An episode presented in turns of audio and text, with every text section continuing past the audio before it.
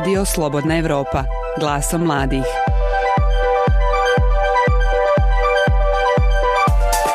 U moru informacija o epidemiji koronavirusa, o problemima i statistikama, skoro pa nezapaženo prošla vest o početku nove akademske godine.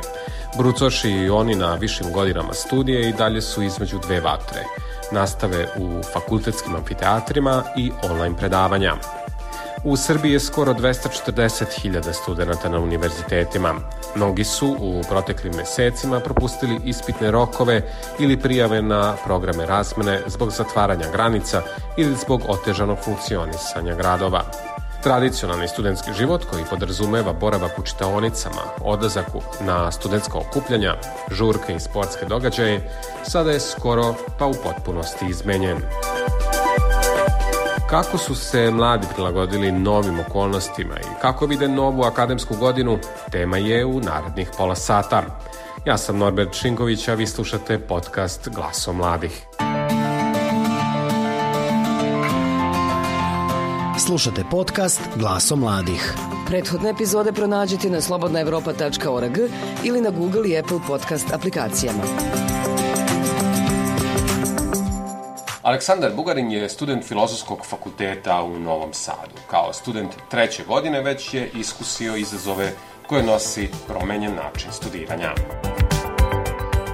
U prošlom semestru smo ja to imali priliku da imamo neke Zoom sastanke i slične stvari, do duše mislim da bi sad barem trebalo da bude mnogo organizovanije, zato što i profesori su sad, mislim, spremni i generalno i asistenti i kao svesni su da moraju da nam drže neki oblik predavanja Mislim da neće biti više ona opcija, poslaćemo prezentacije kao na nekim fakultetima, dobro kod nas nije bilo toliko zastupljeno, ali kao biće ipak, mislim, ona varijanta da ćemo imati neki oblik predavanja i slično. Mislim da se izgubio taj korak, jel te, ovaj, razgovora sa profesorom, generalno uživo predavanje i slično, jer mislim da tim prilikama mnogo više naučiš, mnogo više možeš da shvatiš, da postaviš pitanje i slično. Nekako kad stvoriš sebi atmosferu u svojoj sobi ili slično, staviš laptop i slično, mislim da nekako u jednom momentu odlutaš, više ni ne pratiš to što se dešava, nego čekaš neki praktični deo, neku vežbu ili slično. Ali mislim da je generalno problem što smo mnogo izgubili sa tim, kako da kažem, vežbama. Ja sam sa treća godina, imam dosta ozbiljne predmete kada bih trebao da naučim neke bitne stvari sutra za profesiju. Mislim da je veći problem što se dešava da neki profesori koji drže neke ozbiljnije predmete se jednostavno često se ne trude ni na uživo predavanjima, a možemo da zamislimo kakva je situacija kad imamo online predavanja. Jednostavno moramo shvatiti da neko mora da nas se posveti, ali isto tako i mi moramo da se posvetimo celoj situaciji. To što imamo online predavanja ne znači da možemo da ih propuštamo.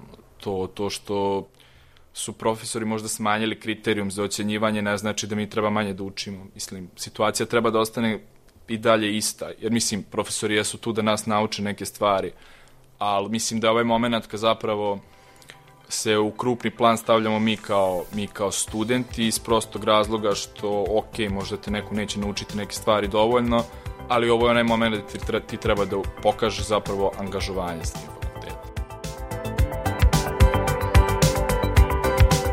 Od početka zdravstvene krize u regionu često smo čuli izraz prisilna digitalizacija – Reč je o naglom i brzom prelasku sa kontaktne nastave na digitalne platforme. Informatička pismenost je sada na proveri. Ali situacija nije baš zadovoljavajuća, smatra Aleksandar. Mislim da je veliki problem kad ti, to je nekoj starijoj generaciji koja se i na touchscreen telefon navikava dosta dugo, kada ti njima dođeš i kažeš e, sad treba da držiš online predavanja.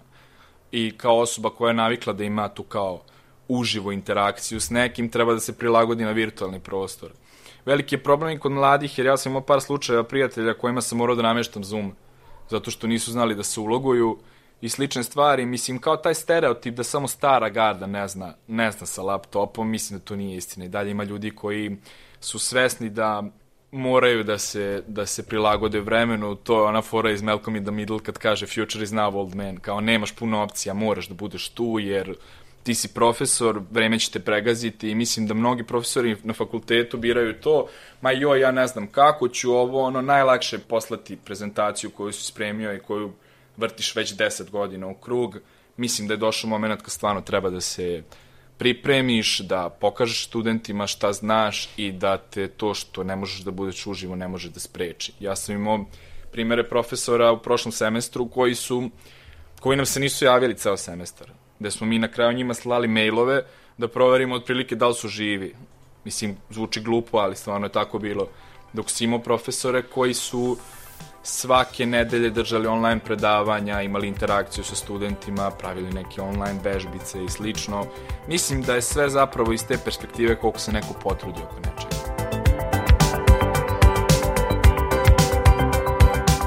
On dodaje da, iako je ponekad komfornije raditi od kuće, ovo su zapravo izazovna vremena za studente. Mislim da generalno studenti, dosta studenta, gleda to kao olakšanje. Veliki problem što jako puno studenta gleda s te strane da, ok, imam problem jer u suštini mislim ja tako gledam. Gledam da sam izgubio godinu dana prilike da mi neko ko ima mnogo više znanja o nekim stvarima o kojima ja nemam, da mi objasni. I generalno vidjet ćemo koliko će zapravo i profesori i studenti biti, biti spremni da pokažu angažovanje u toj sferi. Mislim da je raspoloženje kod studenta dosta, dosta veliki problem iz prostog razloga što svi smo se nadali da ćemo ići na taj fakultet i da ćemo imati tu obavezu, jer fakultet nije samo predavanje, fakultet je da sretneš kolege, da imaš neki razgovor s njima, rad u grupi i slično.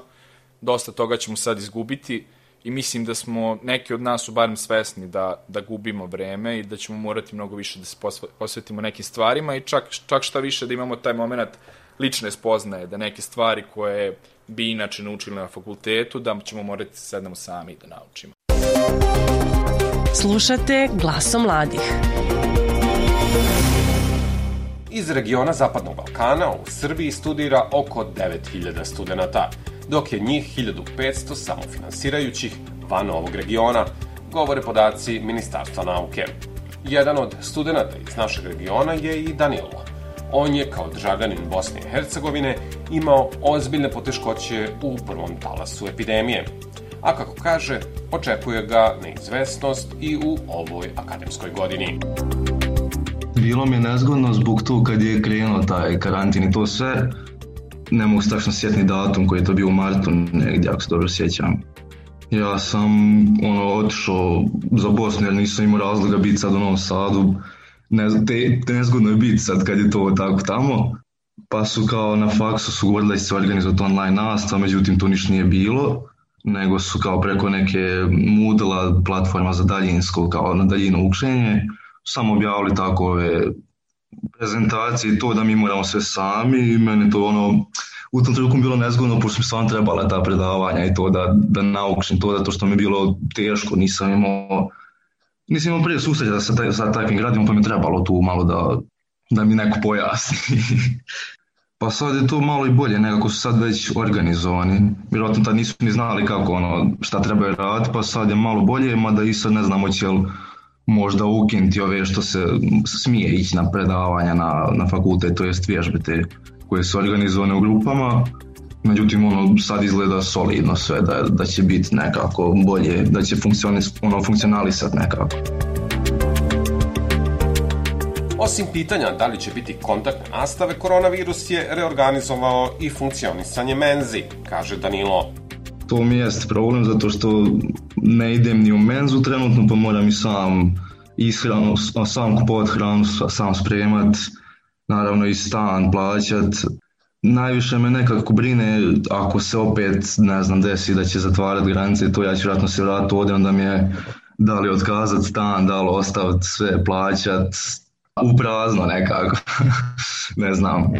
Tako da ne znam ja šta će, šta će biti, to mi je, nekako mi je to sve u podsvijesti.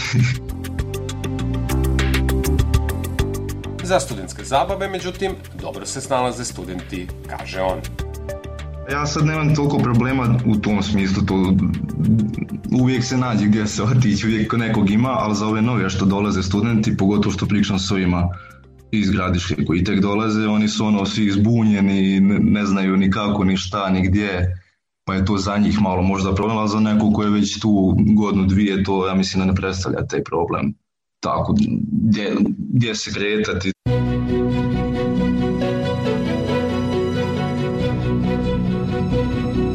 Slušate podcast Glaso mladih. Prethodne epizode pronađite na slobodnaevropa.org ili na Google i Apple podcast aplikacijama.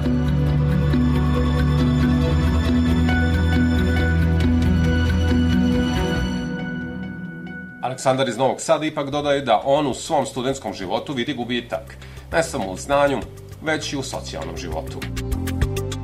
Opet izgubili smo izlaske, izgubili smo žurke, izgubili smo koncerte, generalno bilo koje oblike kulturnih, kulturnih dešavanja. Mislim da je to veliki problem jer ako si konstantno pod bilo kojom dozom stresa, nekim ljudima je, nekim ljudima koji imaju ovako neke lične probleme i fakultet predstavlja veliki stres mislim da ne pričam ukoliko radiš nešto sa strane, imaš dosta obaveza, ne, jednostavno taj dan, dva u nedelji ti je predpi, stvarno puno predstavljao kad dođe neka zanimljiva grupa, kad dođe neki muzičar kog voliš, predstava se igra koja ti je interesantna, jednostavno odeš tamo, isključiš mozak i, i uživaš. Ovo je sad moment gde moramo da tražimo te neke načine zabave sami, da opet nekako krug viđanja je sve manji i manji. Onaj period kad smo bili u karantinu, ja svoje najbolje prijatelje nisam vidio mesecima, nisam svoju devojku vidio mesecima. I onda kao izgubiš korak sa ljudima, da ja koji stvarno nikad nisam imao problema sa socijalizacijom, da sam seo sa, sa ljudima s kojima sam ranije svaki dan sedeo i da sam sedeo i gledao u plafon. Ja nisam znao šta da im kažem, jer sam navikao da vidim mamu, tatu i brata. I taj krug se vrteo i vrteo. Opet tu su neki ljudi koji su se, ne mogu reći, vratili u normalu, ali dok je bio onaj period, daj da kažem, mira, kad su nam još ono, te opcije za izlaske bile otvorene i slično, oni su ono izlazili, zabavljali se i slično, ali mislim da ja konkretno imam taj problem gde god da odem, da imam opciju, ok, srešću nekoga, ok, porazgovarat ću s njim, ok, taj možda neko je preležao koronu. Možda je imao nešto, možda mogu na neku glupost da se zarazim, da zarazim ljude oko sebe i slično. Mislim da je baš taj, baš to suština celog problema, što imam osjećaj kao da nikad više nećemo imati tu opuštenost da, da, da odemo u klub i da upoznamo totalno nepoznata lica i slično. Čak i ovako ima, uhvatio se sebe u momentima da pratim gde moji ljudi izlaze. Da znam gde su bili, s kim su bili, od koga su možda mogli da se zaraze. Vidim nagle promene, stvarno, eto, za, kad je bio taj čuveni period karantina i slično, ja imam par stvarno jako bliskih, najboljih prijatelja koji su iz Bosne, koji su iz okolnih mesta i slično i koje nisam vidio po pola godine. Mislim da, da zapravo imam slučaj najboljeg prijatelja koji je iz Bosne i studira na ekonomskom fakultetu. Ekonomski fakultet ove godine nije držao oktober 2. On zbog neprilika, zbog granica i sličnih nije mogo da dođe na aprilski, aprilski rok i izgubio je šansu da, da zapravo da godinu. Pa morat će sad da obnavlja neke različite varijante. Tako da to je, to je po mom mišljenju veliki. Po mom mišljenju to je veliki problem. Zato što, ok, ja sam u Novom Sadu, imam opciju da mi je fakultet na 20 minuta od kuće, neko kome je to mnogo veća komplikacija, ko mora mesece, koji nije tu da i dalje finansira stan koji je u Novom Sadu, koji je trenutno u hipergradnji, nije više jeftin, stan, generalno život u Novom Sadu je sve skuplji i skuplji. I za ljudi iz Novog Sada mogu da zamisli kad neko dođe iz drugog manjeg mesta ili slično, manje plati promet, manje su različite varijante koje zapravo stvaraju problem prosečnom studentu. Da ne pričamo ljude koji izaberu da, da, da zapravo ostanu u svojim mestima, bilo što što treba da se ode na fakultet, to je dodatni trošak prevoza, opet moraš negde biti i slično, tako da generalno na, na studente koji gledaju na fakultet kao četiri, kupovine četiri godine mira i zabave, mislim da je ovo zapravo mnogo veliki onaj šamar realnosti, da zapravo imaš neki problem koji jeste rešiv, ali na različite načine i finansijski i ovako psihički predstavlja ozbiljan teret. Slušate glasom mladih.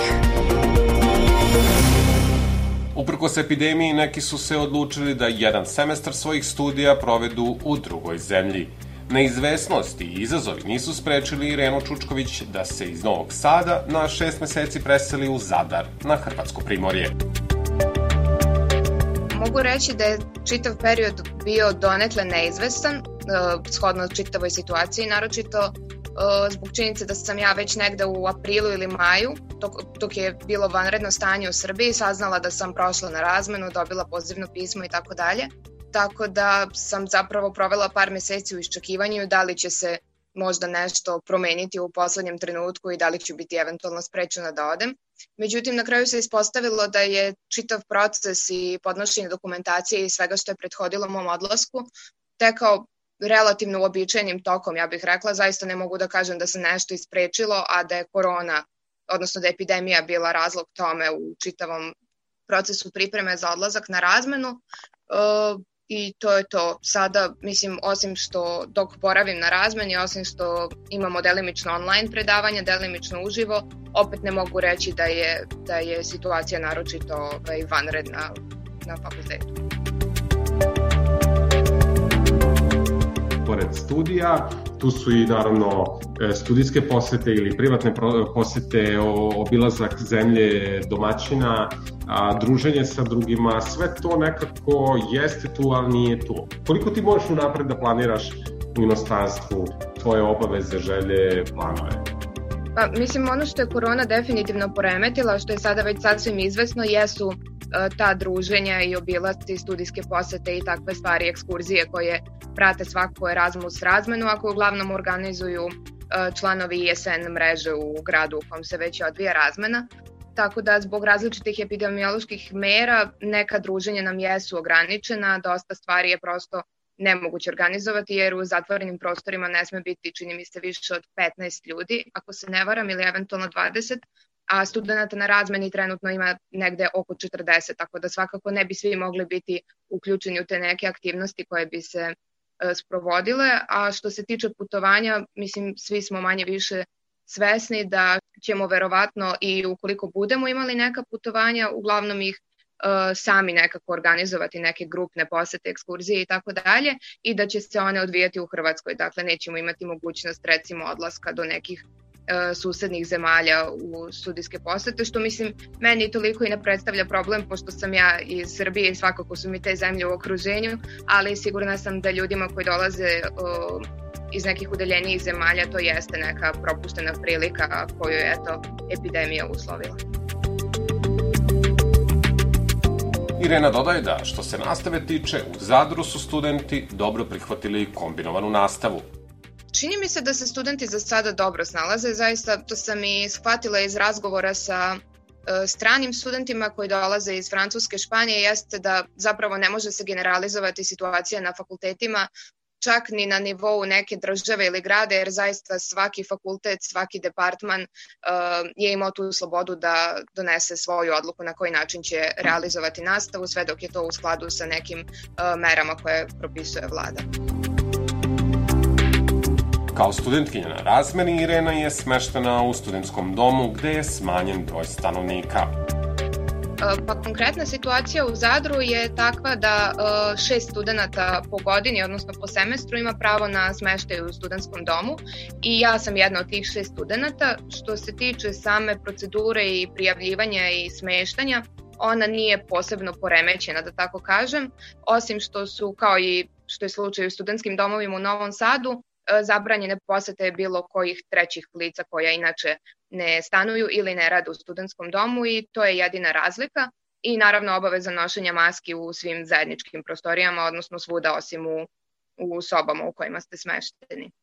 E, nisam sigurna kakva je situacija što se tiče drugih, pošto svi studenti, osim zapravo naš šestoro, su potražili neki oblik privatnog smeštaja, da li su to stanovi u kojima stanuju sami ili sa uh, cimerima, ali mislim da oni nisu imali nikakvih problema, bar zbog korone što se, što se toga tiče. E, zdravstveno osiguranje sam regulisala kao svako putno osiguranje zapravo koje sam koristila i s obzirom da planiram u nekom momentu da se na par dana vratim u Srbiju, uh, uzela sam prosto osiguranje koje mi, pok koje mi pokriva zdravstveno, polisu koja mi pokriva zdravstveno osiguranje u svim državama Evrope u periodu dok mi E, traje razmena. Ono što je bila malo čudna okolnost je što dok sam, odnosno kada sam uh, uh, kupovala polisu osiguranja, nisam imala mogućnost da uplatim onaj dodatni iznos koji, je, koji podrazumeva posebno osiguranje od covid -a. Tako da, eto, tu, ovaj, tu privilegiju nemam baš, ali eto, nadam se da će sve biti u redu po tom pitanju. Slušate podcast Glaso mladih. Za razliku od Irene, koja je tek desetak dana u Hrvatskoj, Iva Gajić iz Srbije već skoro mesec dana boravi u Belgiji. Ona kaže da, kao i Irena, zajednička putovanja i aktivnosti značajno su ograničeni. Njen odlazak u tu zapadnoevropsku zemlju je višestruko bio otežan zbog epidemije. Dolazak je bio malo više otežan zato što je meni potrebna viza za Belgiju ako ostaje više od tri meseca. I ja nisam znala da li mogu da dođem do recimo 20. avgusta, to je samo nekoliko dana pre poslednjeg roka kada ja trebalo da javim da li sam sigurna da ću biti ovde ili sam odustala. Tako da sam ja baš bila uh, pod velikom neizvesnošću zato što je moglo da sve da mi propadne samo za nekoliko dana. Um, ali u suštini ovde je mnogo gora epidemiološka situacija, ali fakultet uh, još uvek ne održava toliko online predavanja, imamo jedno ili dva predavanja nedeljno koje su online, sve je još uvek na fakultetu, ali ono što je interesantno jeste da se sve odlučuje na osnovu nedelje. Znači, ja nisam sigurna da li ću imati sledeće nedelje predavanja na fakultetu ili online, ali za sada se oni trude da sve ostane uživo, jer mnogo ima više praktične nastave nego teorijske, tako da je mnogo lakše raditi raditi uživo. Što se tiče a, domova, a, pošto ja živim u domu kao i Irena, m, ovde je kapacitet potpuno popunjen, tako da nije ništa smanjeno nego inače. Jedino isto, ne smemo da imamo posete i um, trebalo bi da nosimo maske kod tih zajedničkim prostorijama. Ona dodaje da mnogi su odustali od programa razmene, ali oni koji su se upustili u ovu avanturu dobro se drže. Pa čini mi se da ljudi koji su ipak odlučili da dođu da su ipak mirniji. Mnogo je uh, studenta odustalo koliko smo čuli.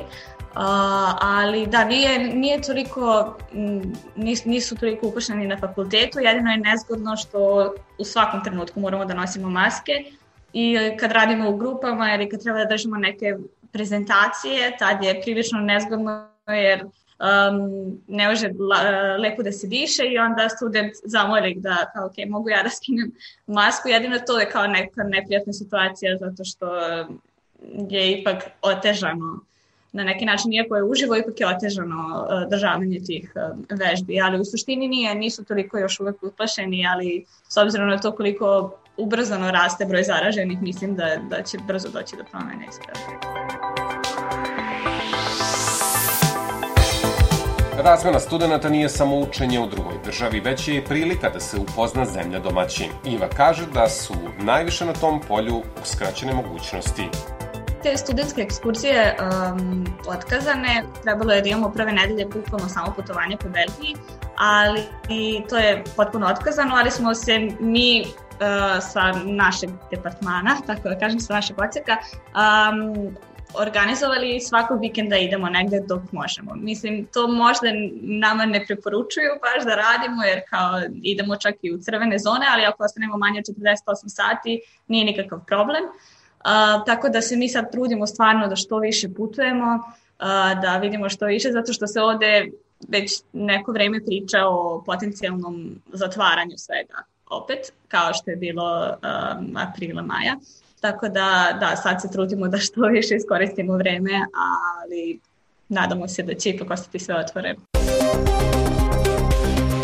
Slušate podcast Glaso mladih. Prethodne epizode pronađite na slobodnaevropa.org ili na Google i Apple podcast aplikacijama. Dario Ignjić je među onima koji su nedavno završili medicinski fakultet. Kao budućeg lekara njega čeka stažiranje u trajanju od šest meseci. Sa njim sam razgovarao o tome na koji način izgleda njegovo stažiranje, odnosno kako je mora da se prilagodi novim merama i novim okolnostima. Pa nakon polaganja diplomskog ispita bilo je dosta neizvjesno da li će se uopšte održavati praktična nastava u domu zdravlja upravo zbog situacije sa COVID-om, a dosta dugo niko nije imao informacije hoće li biti a, stažiranja ili ne. A, uspio sam da krenem u domu zdravlja da radim, međutim, prema informacijama koje sada imam, neke klinike još uvijek ne dozvoljavaju stažiranje, ali se nadam da će to promijeniti u narednih par meseci dok završim ovaj dio staža kako je izgledao tvoj dolazak na radno mesto? Od drugih kolega koji su prije mene počeli da radi staž sam čuo da je bio potreba negativan test na koronu, na koronavirus, da bi se uopšte mogao ovaj, aplicirati za staž. A, međutim, ja kad sam se prijavljivo za dom zdravlja, to je, to više nije bilo potrebno. Imao sam urađen seroški test na koronavirus koji je bio negativan, tako ako da je posao potreba za time, mogo bih da priložim, ali izgleda su se ti kriterijumi spustili, mada i dalje uh, u, domu, u domu zdravlja vlada visok stepen opreza, nošenje maske obavezno, a distanca se mora poštovati. Da li ćeš imati mogućnost da na vreme završiš staž? Očekujem da će se taj šestomjesečni period ispuniti. A, očekujem da ako odem na neke druge klinike, da će tamo biti mjere a, e, opreznosti pojačane. Ako uopšte budem imao mogućnosti da radim na pojedinim klinikama, upravo zbog vanredne situacije. Kojoj meri je ova situacija, pošto si ti izložen e, visokom riziku, uticati na, na tvoj socijalni život? Zbog specifičnosti svog, tako reći, sadašnjeg gradnog mjesta morao sam dodatno da zaštitim sebe, da ne bih došao u kontakt sa ovaj virusom, da se ne bi zarazio, pa da mi ne bi bio zabranjen a, rad u domu zdravlja. Niti sam išao mnogo kući, niti sam se viđao sa svojima, da ne bih izložio ja njih sebi, niti njih meni. Niti sam išao a, mnogo da, a, e, sa dru, društvom u izlaske, u kafiće, u restorane, da sam morao da smanjim socijalne kontakte da bi zaštitio sebe, da bih mogao da krenem da radim taj svoj staž.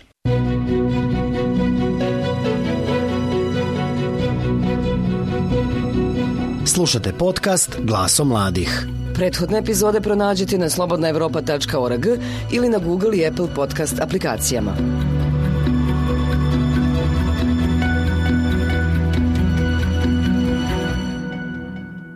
Slušali ste glasom mladih. O izazovima studiranja za vreme pandemije i očekivanjima studenta razgovarali smo sa mladima iz Srbije i Bosne i Hercegovine, a u proteklim minutama posetili smo i Hrvatsko primorje, kao i Belgiju.